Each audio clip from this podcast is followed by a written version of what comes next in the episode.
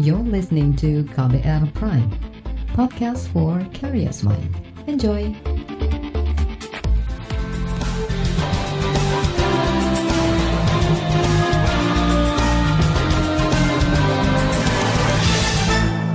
Halo selamat sore saudara, apa kabar Anda sore hari ini? Kembali saya Reski Mesanto hadir di KBR Sore.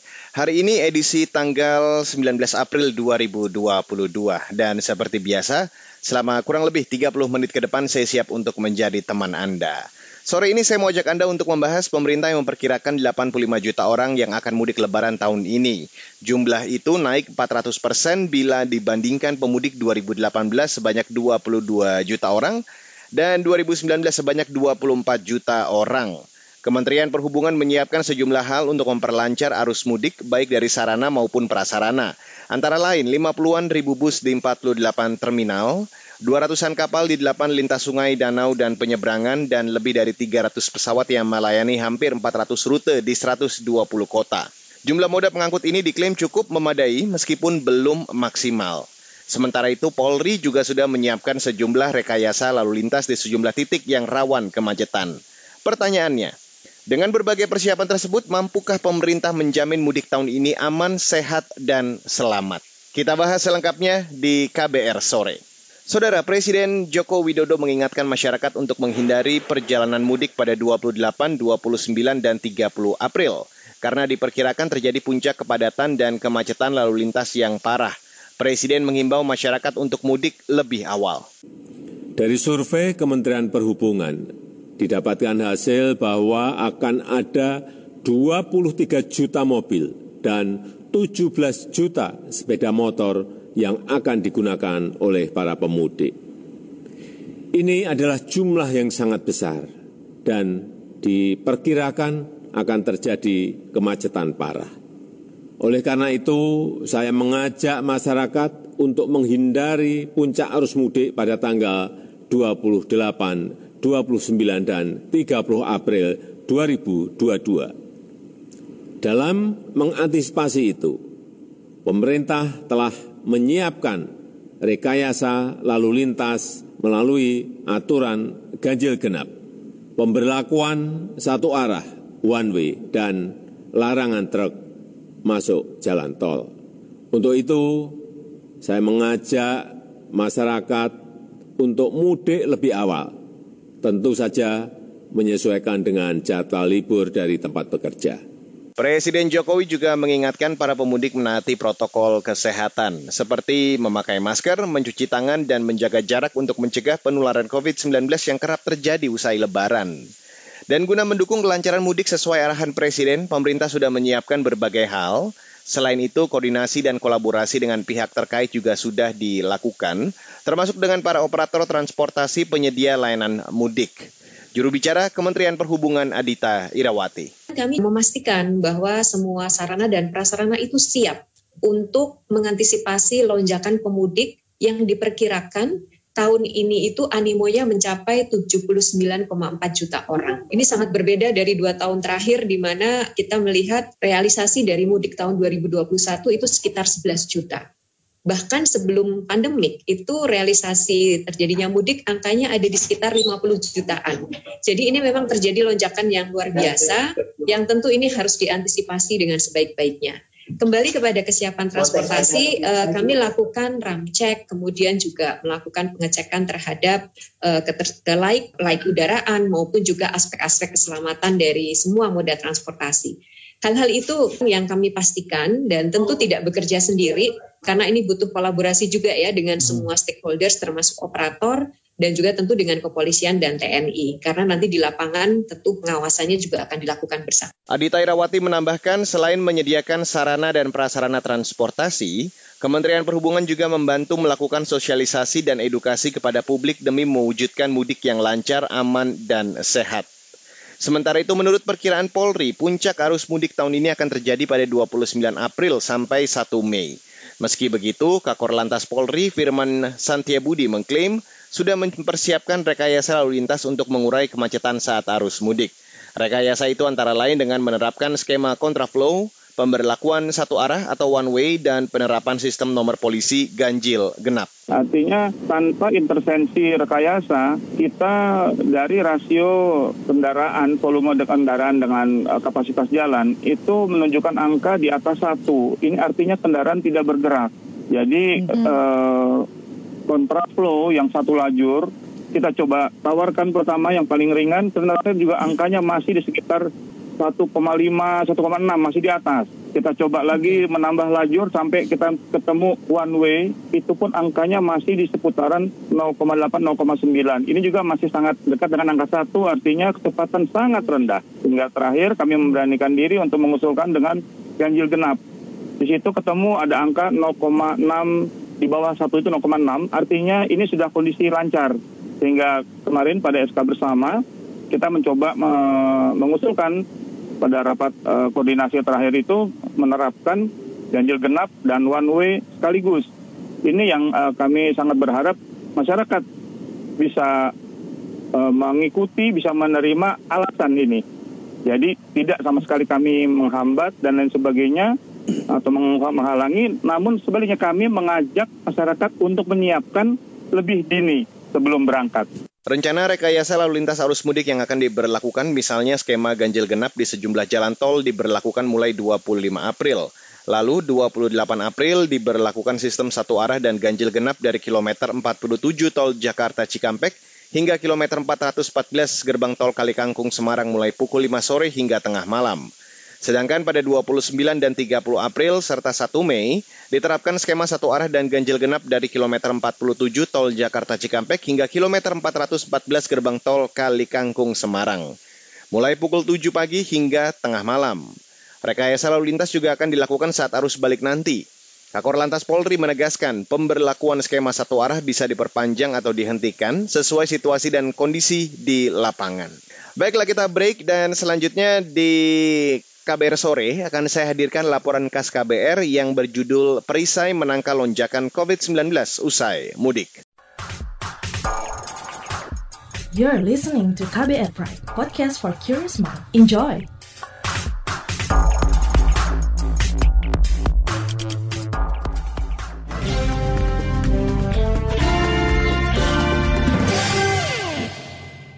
Saudara, dua pekan menjelang perayaan Idul Fitri, para pemudik mulai memadati terminal hingga pelabuhan.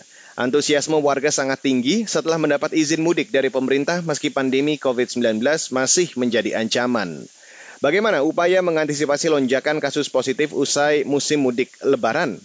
Berikut saya hadirkan laporan khas KBR yang disusun jurnalis Mutia Kusuma Wardani. Kasus harian positif COVID-19 di tanah air cenderung menunjukkan tren penurunan sejak Maret lalu.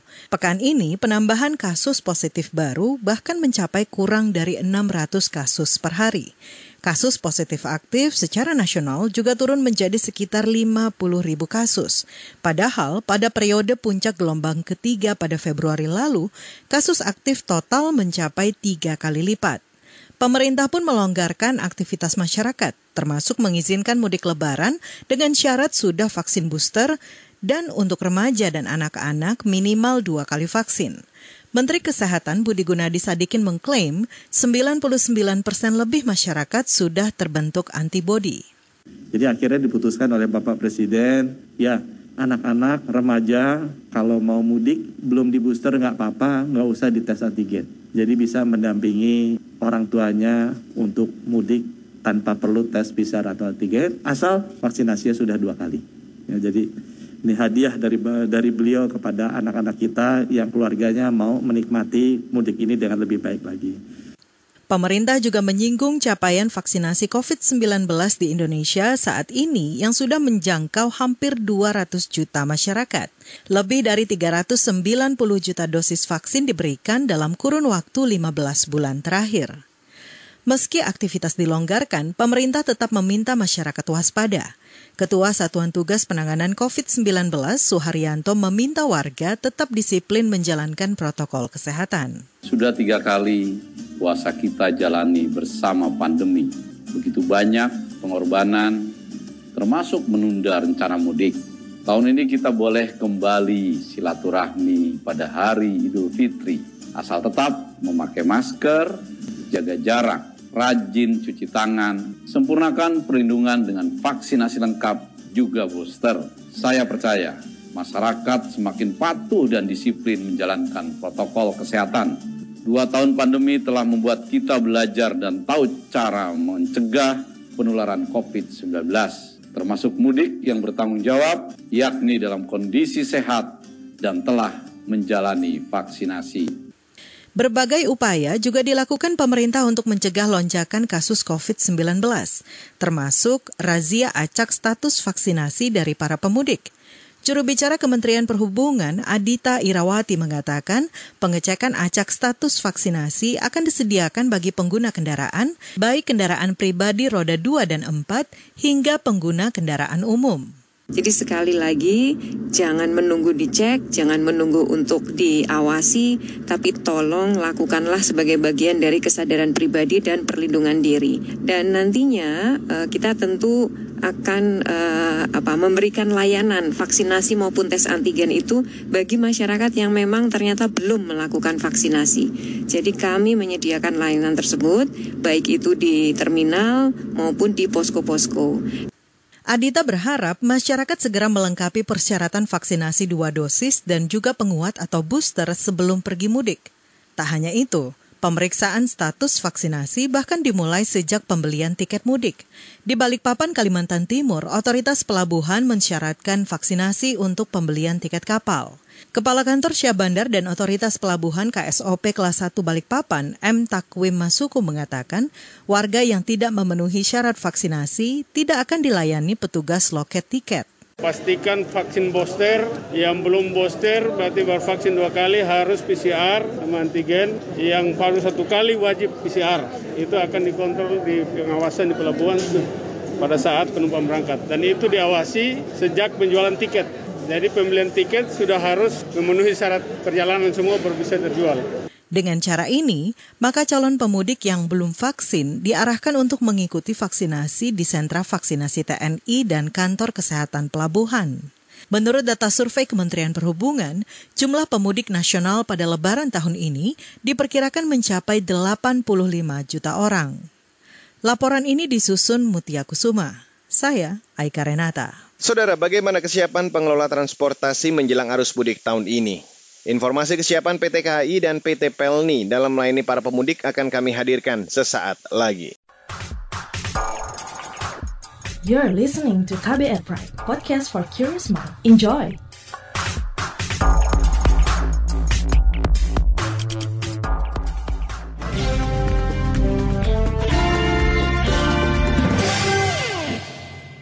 Saudara, pengelola transportasi telah memastikan kesiapannya memenuhi kebutuhan layanan mudik lebaran. Direktur Usaha Angkutan Penumpang PT Pelayaran Nasional Indonesia atau PT Pelni, Yahya Kuncoro mengklaim sudah menyusun perencanaan dan langkah strategis guna menjamin keamanan dan kelancaran arus mudik melalui moda transportasi laut. Yang pertama adalah kita melakukan perencanaan dengan menetapkan terlebih dahulu peak seasonnya atau hari atau tanggal di mana akan ada lonjakan yang terjadi. Kita tetapkan tanggal 17 April 2022 sampai 18 Mei 2022 itu adalah masa di mana terjadi arus mudik dan arus balik. Karena dengan persiapan yang lebih matang dan lebih terorganisir harapan kita bisa kita lakukan untuk melayani masyarakat. Hamil 15 dan H plus 15. Karena memang kalau untuk angkutan laut ini kan lebih lama perjalanannya dibandingkan dengan moda yang lainnya. Kemudian yang kedua adalah kita kesiapan armadanya karena tadi disampaikan safety first. Jadi memang keselamatan itu paling utama.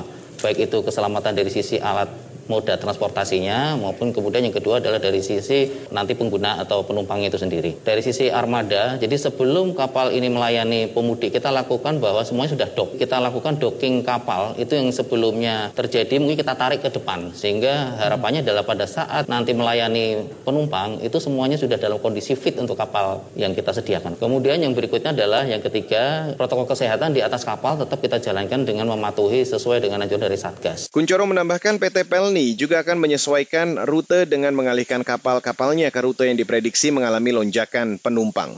Kita full semua kapal beroperasi. Jadi kapal kita ada 26 kapal penumpang, kemudian ada 44 kapal perintis. Jadi kapal penumpang ini kapal yang sifatnya lebih besar, ukurannya ada 500 penumpang, 1000, ada yang 2000 Sedangkan kapal perintis itu ada yang sekitar 250 sampai 500 penumpang. Itu kemudian alhamdulillah sampai uh, saat ini sudah ready semuanya untuk beroperasi. Kemudian yang berikutnya adalah kita menyesuaikan rute jadwal kapal. Jadi untuk yang ruas-ruas yang memang kita ada prediksi lonjakan penumpang itu kita lakukan penambahan frekuensi. Jadi misalnya saja di daerah Kalimantan ke arah Semarang, Kalimantan, eh, Kalimantan ini adalah daerah Kumai, Sampit, ke arah Semarang, ke arah Surabaya itu frekuensinya kita tambah. Jadi dengan penambahan frekuensi itu tadi harapan kita yang okupansi yang ada itu bisa sesuai dengan aturan PPKM yang ada. Karena hmm. memang kalau PPKM level 1 dan 2 itu kan 100%, PPKM level 3 dan 4 itu 70%. Nah, kita mengikuti aturan itu sehingga penambahan frekuensi di di ruas yang padat itu e, mutlak untuk bisa dilakukan. Sehingga memang kita sudah berkoordinasi dengan Kementerian Perhubungan untuk memindahkan sementara kapal yang memang pada ruas-ruas yang saat ini memang tidak terlalu padat, kita hmm. pindahkan ke ruas-ruas yang padat. Saudara, itu tadi Direktur Usaha Angkutan Penumpang PT Pelni Yahya Kuncoro. Sementara itu Direktur Operasi PT Kereta Api Indonesia Tokai Awan Hermawan mengklaim sudah melakukan persiapan sejak jauh-jauh hari, termasuk dengan mengoperasikan posko lebaran PT KAI guna menjamin keamanan penumpang. Jadi untuk kereta api sendiri kita akan melakukan posko lebaran atau angkutan lebaran selama 22 hari ya, eh, tanggal 22 April sampai dengan 13 Mei. Kita sudah melakukan persiapan-persiapan, jadi sebelum eh, jauh kita sudah melakukan ada kegiatan-kegiatan ramcek, kegiatan inspeksi bersama dengan Dirjen Perhubungan, dengan dari perkereta apian, kemudian kita melakukan juga posko terpadu angkutan lebaran, sudah kami siapkan penambahan perjalanan kereta api yang untuk KA jarak jauhnya sementara ini kita 366 KA jarak jauh dengan ada KA tambahan 35 KA. Kemudian kesiapan-kesiapan yang lainnya di mudik angkutan lebaran ini kita sudah menyiapkan juga posko-posko. Jadi ada posko uh, kereta, seandainya kereta ada trouble dan lain sebagainya. Sarana-sarananya kami juga sudah sudah siapkan termasuk lokomotif. Lokomotif kita kesiapannya kurang lebih ada 459 lokomotif dengan jumlah kereta yang siap operasinya 1605. Direktur Operasi PT Kereta Api Indonesia atau KAI Awan Hermawan yakin jumlah kereta yang disiapkan mampu memenuhi lonjakan jumlah pemudik.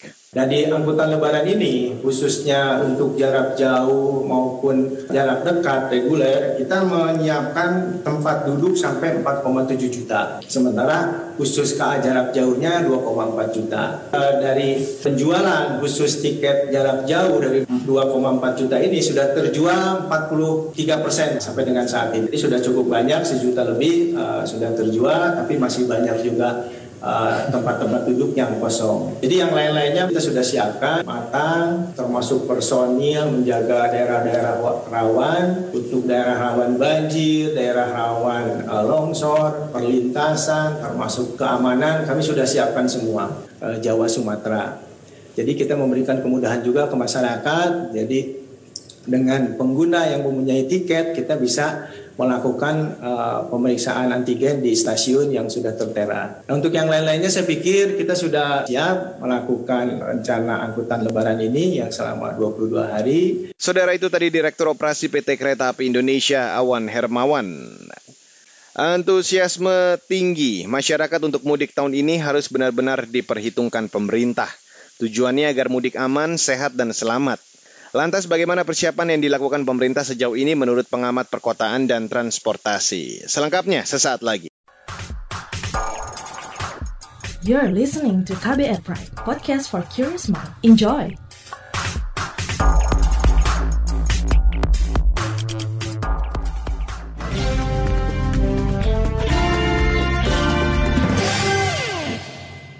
Saudara, pemerintah harus memperhitungkan secara tepat laju transportasi arus mudik tahun ini, terutama untuk perjalanan menggunakan moda transportasi darat, karena diyakini akan terjadi kemacetan arus lalu lintas yang cukup parah di ruas jalan tol. Karena itu berbagai pemicu kemacetan harus dicarikan solusinya, semisal kelayakan infrastruktur, perbaikan jalan, pengaturan lalu lintas di sekitar pasar tumpah, dan lainnya. Selengkapnya saya ajak Anda untuk langsung mendengarkan wawancara jurnalis KBR Siti Sadida dengan pengamat perkotaan dan transportasi Yayat Supriyatna. Terkait dengan mudik kan dari Presiden tuh prediksi akan ada 85 juta pemudik yang akan mudik yeah. di liburan yeah. ini. Kalau dari Bapak mungkin ada prediksi jumlah pemudik akankah segitu juga atau mungkin lebih tinggi dari itu perkiraan Bapak?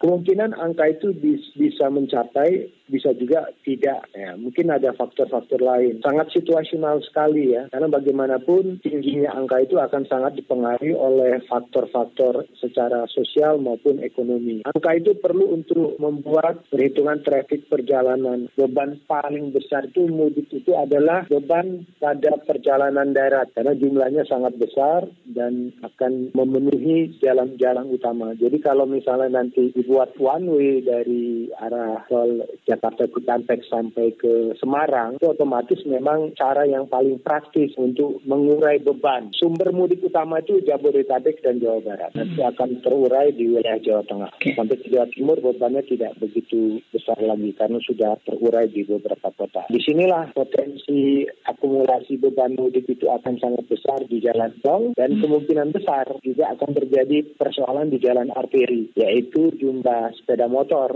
yang akan memenuhi jalan arteri, jalan-jalan alternatif dan kemungkinan ada arus balik dari Jawa Tengah yang katakanlah kendaraan regional yang sebetulnya mengarah ke Jakarta itu perlu dipetakan secara situasional dan kondisi di lapangan karena bagaimanapun banyak kemungkinan pemudik dadakan. Pemudik dadakan ini itulah yang bisa menyebabkan ada tekanan peningkatan ya jumlah arus mudik. Persiapan kesiapan arus mudik tadi sudah disinggung oleh Bapak ada one way, ganjil genap, kabarnya beberapa rest area juga akan ditutup juga ada imbauan mudik lebih awal. Nah, apakah ini sudah cukup begitu Pak untuk mengantisipasi kemacetan akibat mudik atau mungkin ada saran dari Bapak rekomendasi kebijakan lain untuk menghindari kemacetan agar mudik juga aman dan nyaman gitu Pak? Tolong diperhati potensi kemacetan pada pintu-pintu tol di wilayah kota tujuan mudik. Dan kemudian antisipasi pada persimpangan atau simpul-simpul yang bisa menimbulkan bottleneck di jalan-jalan tol dan jalan arteri. Pertemuan keluar dari jalan tol dan di jalan arteri. Kalau pemerintah pusat sudah punya kebijakan ganjil genap satu arah, larangan truk masuk jalan tol, kemudian banyak aturan kesehatan lain dan sebagainya. Ini bagaimana dengan pemerintah daerah? Di tingkat pemerintah daerah pun harus siap. Kemudian juga tolong diantisipasi pasar-pasar tumpah, wilayah Cirebon, Kuningan, Brebes, itu sepanjang kota-kota Pantura. Di wilayah yang paling rawan dengan kemacetan, yaitu di ruas-ruas jalan yang di mana ada pasar tumpah ya. Karena karena terus terang aja kalau tanggal 28, 29, 30 itu mendekati hari H di mana pasar tumpah pun akan tumpah hmm. orang belanja dan orang jualan. Terkait sarana prasarana juga infrastruktur, mungkin bagaimana jalan jembatan masih rusak begitu di ya. beberapa tempat itu bagaimana Pak pencematan Bapak? Ini yang menjadi masalah ini. Kalau jalan utama, jalan nasional, mungkin Kementerian PUPR itu sigap lah. Mungkin punya dana, punya anggaran melalui balai wilayah jalan di setiap provinsi itu jalan-jalan nasional mungkin bisa cepat diatasi. Tapi bagaimana dengan kondisi jalan provinsi dan jalan kota dan kabupaten yang memang kondisinya di tengah pandemi seperti ini anggaran pemeliharaan juga tipis, akan tidak ada.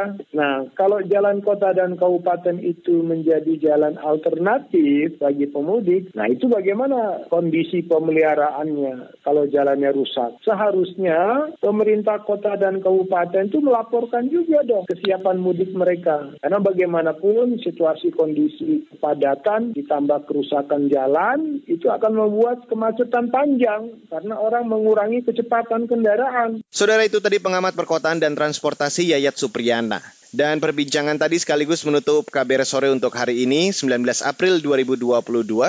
Terima kasih untuk Anda yang sudah bergabung sore hari ini dan ingat selalu patuhi protokol kesehatan di mana pun Anda berada. Saya Reski Mesanto undur diri dari KBR Sore. Salam.